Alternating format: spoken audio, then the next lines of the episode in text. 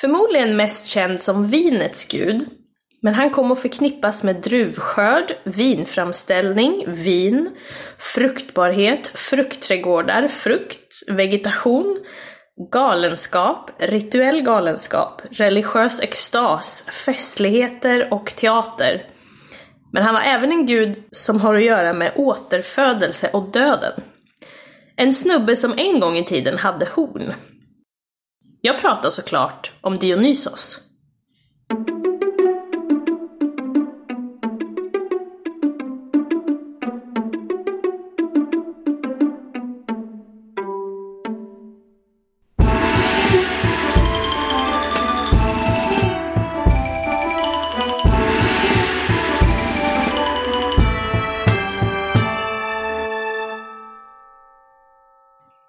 Välkommen till Podius Castus, en podd om antiken. Och i dagens minisnitt får ni lyssna på mig, Emily. Kärt barn har många namn. Men han är mest känd som Dionysos, Bacchus, det var namnet som romarna adopterade, och han blev sen ett med Liber Pater, som var en romersk gud. Sen finns det även myter med andra gudar som förknippas med Dionysos, där man säger att eh, de var en. En av de tidigaste versionerna av Dionysos kommer faktiskt från eh, Mykene. Man har hittat lertavlor där som är från 1300-talet före vår tideräkning. De är skrivna på linjär B och det bevisar ju att han har blivit dyrkad åtminstone sedan grekisk bronsålder. Och om ni är nyfikna på vad grekisk bronsålder är så rekommenderar jag att ni lyssnar på vårt första referensavsnitt. Vad är antiken egentligen? Dionysos han var en komplicerad eh, gud. Men om vi ska förenkla det hela så kan man nästan säga att det fanns två versioner. Den äldre versionen, där Dionysos är, hela han är äldre och han har skägg. Ibland har han även horn. Och sen har vi den senare Dionysos, som är yngre. Han är en riktig yngling och faktiskt ganska androgyn. Men sanningen är ju såklart inte så enkel. Det är ju mer en utveckling och anpassning över tid. Där man plockar om egenskaper och utseende och även myter över en lång tid. I den tidigare versionen av Dionysos, som bland annat är relaterad till orfism, vilket är en religion fokuserad på underjorden och den mytiska poeten Orpheus som steg ner i underjorden och kom tillbaka. Där är han en ktonisk gud, alltså en gud som har kontakt med underjorden och är relaterad till reinkarnation och återfödelse. I flera av de tidigare versionerna så är Dionysos son till Zeus och Persefone, som är eh, gudinnan Demeters och Zeus dotter. Hera, som är Zeus fru, hon blev svartsjuk och hon skickar titaner att slita sönder Dionysos, som sen återföds. Sen finns det även versioner med en gud som heter Zagrebs, som sen kopplas ihop med Dionysos. Och så finns det även andra versioner där han är Demeters fru, och versioner där han är Zeus och Demeters son, och även versioner där han först är Zeus och Persefones son, men efter att han har blivit itusliten så tar man hans hjärta och planterar in i prinsessan Semele, som sen föder honom. Det som är gemensamt för de här versionerna, det är dock återfödelsen. Och över århundraden sen så genomgår han gradvis den här förändringen. Och från ungefär 500-talet före vår tideräkning, då, har, han, då har, han, har man börjat dyrka honom mer igen. Och då har han fortfarande en del med underjorden att göra. Om man jämför då med några århundraden senare, och då är han vingud och gud över dramat, och lite mer partysnubbe. I den nyare versionen då, och den som, han, som nog är mest känd, det är då att han ska vara son till Zeus och Semele, som var prinsessa i Thebe. Så Semele och Zeus, de har en affär. Eh, hon blir gravid, hon är jättestolt över att ha ihop det med en gud. Och Hera då blir svartsjuk. Eh, och när Semele har, hon har förklätt sig till en vanlig människa, så att Semele har berättat allt för henne. Och då övertalar hon Semele att hur kan du veta att det är Zeus om han inte visar sig för dig i hela sin gudomliga form? Semele lyckas få Zeus att lova att göra henne en tjänst. Och när hon sen ber honom att visa sig i all sin gudomlighet, då vet Zeus att hon inte kommer överleva, men han måste stå vid sitt ord, så han gör det ändå. Och det som är, det är att vanliga dödliga, de klarar inte av att titta på, på en guds sanna form utan att dö. Men Zeus då, som sagt, han hade gett sitt ord, så han visar sig i all sin gudomlighet och Semele bränns till aska. Men lille Dionysos överlever dock, och för att skydda honom och få honom växa klart så syr Zeus in honom i sitt lår. Dionysos, vem är han då? Han är enligt eh, den senare myten då den enda olympiska guden som har en mänsklig mamma. Och sen finns det ju återigen olika versioner. Eh, när han kommer ut ifrån Zeus lår så går det inte riktigt ihop vem som har uppfostrat honom. Men i de flesta fallen så verkar det i alla fall som att Hermes har tagit honom och så har han placerat honom eh, hos den som ska uppfostra honom. I vissa fall så är det flodnymfer, eh, i andra så är det Ino som är Semeles syster, som även ska ha uppfostrat honom som en flicka så att Hera inte ska hitta honom. Och sen finns det andra versioner också. Och Dionysos han växer upp och är den första som lär sig att kultivera vinrankor och göra dryck av druvorna. Alltså den första som har lärt sig att göra vin. Men innan han kan berätta det här för någon så gör Hera honom galen. Och han vandrar runt jorden tills dess att Rea tar bort galenskapen ifrån honom. Då, minsann, då vandrar han runt i Asien och lär människor att framställa vin. Det sägs att eh, Alexander den store ska ha stött på den mytiska staden Nysa i sina erövringståg och att den ska ha varit grundad av Dionysos. När Dionysos då har vandrat klart i Asien och lärt alla göra vin så ska han ha återvänt till Grekland och Thebe i triumf med sina följare som kallas för menader eller bakanter. I Euripides verk Bakanterna, då då börjar vi med att Dionysos han återvänder till Thebe, som nu, nu styrs av hans kusin Pentevs. Pentevs, hans mor och två av hans mostrar, varav en då är Ino, som vi pratade om, de tror ju inte på att Dionysos är gudomlig och de vägrar dyrka honom. Dionysos blir inte så glad över det här, så han använder sina krafter till att göra sina mostrar eh, galna, eller i extas, Eh, så att de blir hans följare. Och efter ganska många turer fram och tillbaka så försöker Pentev spionera på bakanterna, eller menadernas riter då. Men han blir påkommen och så blir han sliten i stycken. Eh, och de som sliter honom i stycken är även hans mor och mostrar. Och när de kommer till sina sinnesfulla bruk då upptäcker de att de har slitit isär sin son och brorson, men de blir även förvisade av Dionysos. En annan myt om Dionysos det är att eh, det är faktiskt han som ger kung Midas förmågan att förvandla allt han rör till, till guld. Historien går så här att eh, Midas tog hand om en vän till Dionysos. Och som belöning så skulle han få vad helst han ville. Och Midas valde då att eh, han ville att allt han rörde skulle förvandlas till guld. Dionysos beklagade det här, att han inte hade valt någonting annat, men Midas han var ju superglad. Tills dess att han upptäckte att all mat och all dryck han tog i förvandlades till guld. Och sen som, det som kanske är mest tragiskt i den här myten, det är ju när han kramar sin dotter och även hon förvandlas till guld. Midas ber till slut till Dionysos och han ber om hjälp för att bli av med den här gåvan för att inte svälta ihjäl.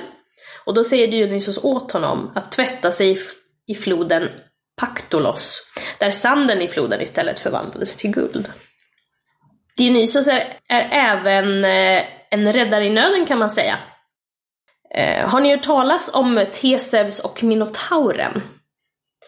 Om, om ni har det så kanske ni vet att eh, Ariadne, hon hjälper Teseus genom att ge honom ett garnnystan som han ska hitta ut sen.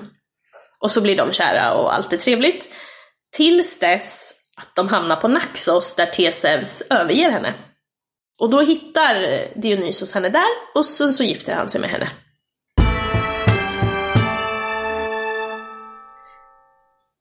Men hur dyrkar man Dionysos då? Jo, även fast han eh, var en gammal gud så tog det faktiskt tid innan han blev populär och blev en av de tolv olympierna. Det brukar sägas att det är antingen han eller Hestia som är härdens, husets och hemmets gudinna som räknas som den tolfte olympiska guden. Så från eh, bronsålder, mykensk tid, 1300-tal före vår tideräkning, sedan sker bronsålderskollapsen, det kan ni också lyssna på i referensavsnittet, så dröjer det flera hundra år tills dess att det blir vanligare att dyrka Dionysos igen. De andra gudarna som också nämns under bronsålder, de plockar man upp ganska snabbt. Men det man eventuellt tror är att Dionysos, han lockade till sig folk som, som var utanför i samhället, eller som hade det sämre ställt i samhället och därför var de inte så populära. Men till slut så lyckas han bryta sig igenom och komma med. Och många av hans festivaler, de har med det här med återfödelse att göra. Det finns en festival, eller egentligen två, som heter Dionysia. Den ena, Dionysia, den tar plats på landsbygden och så finns det en som tog plats i stan. Och den på landsbygden, det var en av de äldsta festivalerna som tillägnades Dionysos. Och man tror att från början har den här festivalen varit eh, ett firande av vin eller vinstockar. Den hölls under vintermånaden kring vintersolståndet. Och det som skedde var att man eh, hade en procession under vilken deltagarna bar fallosar, alltså penisar. Långa bröd, vatten och vin och andra offergåvor. Och unga flickor bar korgar. Och den här processionen följdes sen av en serie dramatiska föreställningar och dramatävlingar och det är också på det viset som Dionysos kommer att förknippas med drama. Dionysia man firar i stan, det ägde rum i urbana centra som Aten eller Eleusis. Och den var en yngre festival. Och den höll man tre månader efter Dionysia på landsbygden och det föll alltså nära vårdagjämningen, typ mars-april. Och även här har man en procession, man har en procession eh, i staden och den liknar den på landsbygden, men den här var mer detaljerad och leddes av deltagare som var en trästaty av Dionysos. Och den inkluderar även eh, tjurar man ska offra och eh, utsmyckade kor. Och även de dramatiska tävlingarna man hade här var också lite extra. Det var lite bättre poeter och dramatiker och lite bättre priser. Och i fler kategorier. Sen har vi en festival som hette Antestria. Och det var en atensk festival som man firade i början av våren och som sträckte sig över tre dagar. Och här så sägs det att de döda uppstod från underjorden under festivalen och att de sen måste förvisas när festivalen avslutas. Och dag nummer ett, då öppnar man vinfat. Man öppnar vinen och så blandar man det med vatten till ära till guden. Och så smyckar man rum och dryckeskärl med blommor. Dag nummer två, då höll man i en högtidlig ritual för Dionysos samtidigt som man drack. Människor klädde ut sig, ibland som eh, medlemmar i Dionysos följe, alltså exempelvis menader eller bakanter, och gick runt och besökte varandra. Men den här dagen var också tillfället för en högtidlig och hemlig ceremoni. Och dag nummer tre, den var tillägnad de döda. Och man eh, såg på det som en dag av glädje. Man gjorde bland annat libation, alltså dryckesoffer, på gravarna. Och man avslutar dagen med ett rituellt rop som då syftar till att beordra de dödas själar att återvända till underjorden. Sen har vi de dionysiska mysterierna, och precis som namnet antyder så var det en mysteriekult. Alltså, det är bara de som var invigda som fick veta hur och vad man firade exakt. Och den här firades faktiskt i både Grekland och Rom. Lite vet man ändå, och det man vet det är att man använde berusningsmedel, vin och andra transframkallande tekniker, dans, musik, för att avlägsna hämningar och sociala begränsningar. Och det ska ha då befriat individen och återvända till ett naturligt tillstånd. Det gav alltså en viss befrielse för män och kvinnor som var marginaliserade i det grekiska och romerska samhället. Bland annat slavar, laglösa, icke-medborgare helt enkelt. Längre fram, alltså senare, så utvecklas då de här mysterierna och flyttar från tonvikten på den här ktoniska underjordiska orienteringen eh, och guden till en transcend transcendental, mystisk religion då. Eh, och då såklart så förändrar även Dionysos sina egenskaper för att matcha. Ja, hur firade man honom då i Rom? Där hade man någonting som hette Bacchanalen, som firas till Bacchus ära på Aventinen i Rom. Och det var en romersk version av de extatiska delarna av Dionysia, som man plockar lite där. Och där firade man Bacchanalia till år 186 före vår tideräkning, då senaten förbjöd verksamheten. Men sen så utvecklar man Bacchus, och Bacchus, Liber och Dionysos, de blir i princip samma gudom. Och deras mysteriekult eh, överlevde långt in på kejsartiden faktiskt.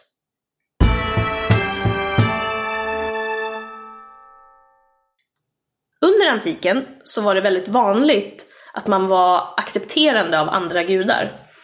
Och det beror helt enkelt på att man bara helt enkelt jämförde gudarna med varandra.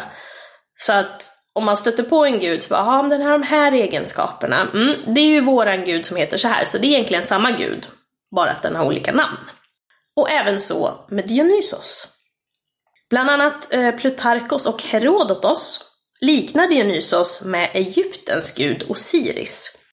Och där har vi ju såklart parallellerna med att Osiris, han blir i, i tuhackad, i tusliten av sin bror Set. Och sen är det faktiskt hans fru Isis som både sätter ihop honom och återupplivar honom. Vilket då går hand i hand med den här orfiska Dionysos. Sen har man även jämfört Dionysos med Hades, som då var härskaren över dödsriket. Och det är återigen den här tidiga förbindelsen med underjorden. Det finns även myten, myter om att han ska ha stigit ner i underjorden och hämtat sin mamma, Semele. Sen finns det också faktiskt vissa idéer om, eh, eller det fanns vissa idéer om paralleller mellan Dionysos och den judiska guden. Sen har vi Dionysos som dyker upp Eh, på de eleusinska mysterierna, som vi har ett minisnitt om. Och där identifieras han med någon som heter Jackus, som är en lite mindre gud i de eleusinska mysterierna. Återigen, återfödande. Det kommer igen här. Och sen då inom morfismen, där sammanlänkas Dionysos, eller sägs vara samma gud som Sagrevs. Och även här faktiskt ibland Hades. Återigen, underjorden, återfödelse, fokus. Sen har vi något eh, lite smaskigt till slut. Dionysos och Jesus de har en del gemensamt. Förutom då att storyn är, lite lik, vi har återfödelsen, eller reinkarnationen, vi har vin, men sen har vi också ikonografi, alltså hur man har framställt de båda. Det finns speciellt en väldigt känd bild på Dionysos-barnet sittande i Hermes knä där Dionysos har en glo gloria och där det kommer flera människor för att fira hans födelse. Och den bilden har vi lagt upp på Instagram, så den kan ni kika på. Eh, och Facebook faktiskt. Kristendomen har verkligen tagit inspiration från hedendomen. Och det är inte så konstigt. Med tanke på att om du vill få folk att ändra religion och fira något nytt, då, lägg, då, då får du det att vara igenkännande. Vi lägger högtider på vissa datum, vi målar eller framställer på ett igenkännande sätt och så vidare. Så, då har vi skrapat på ytan över Dionysos. Det finns hur mycket mer som helst såklart, men jag hoppas att det har väckt lite intresse eh, och att det var uppskattat. Har ni frågor eller kommentarer? Mejla oss på podiuscastus.gmail.com eller skriv till oss på Instagram eller Facebook. Tills dess säger jag eh, tack för idag och på återhörande.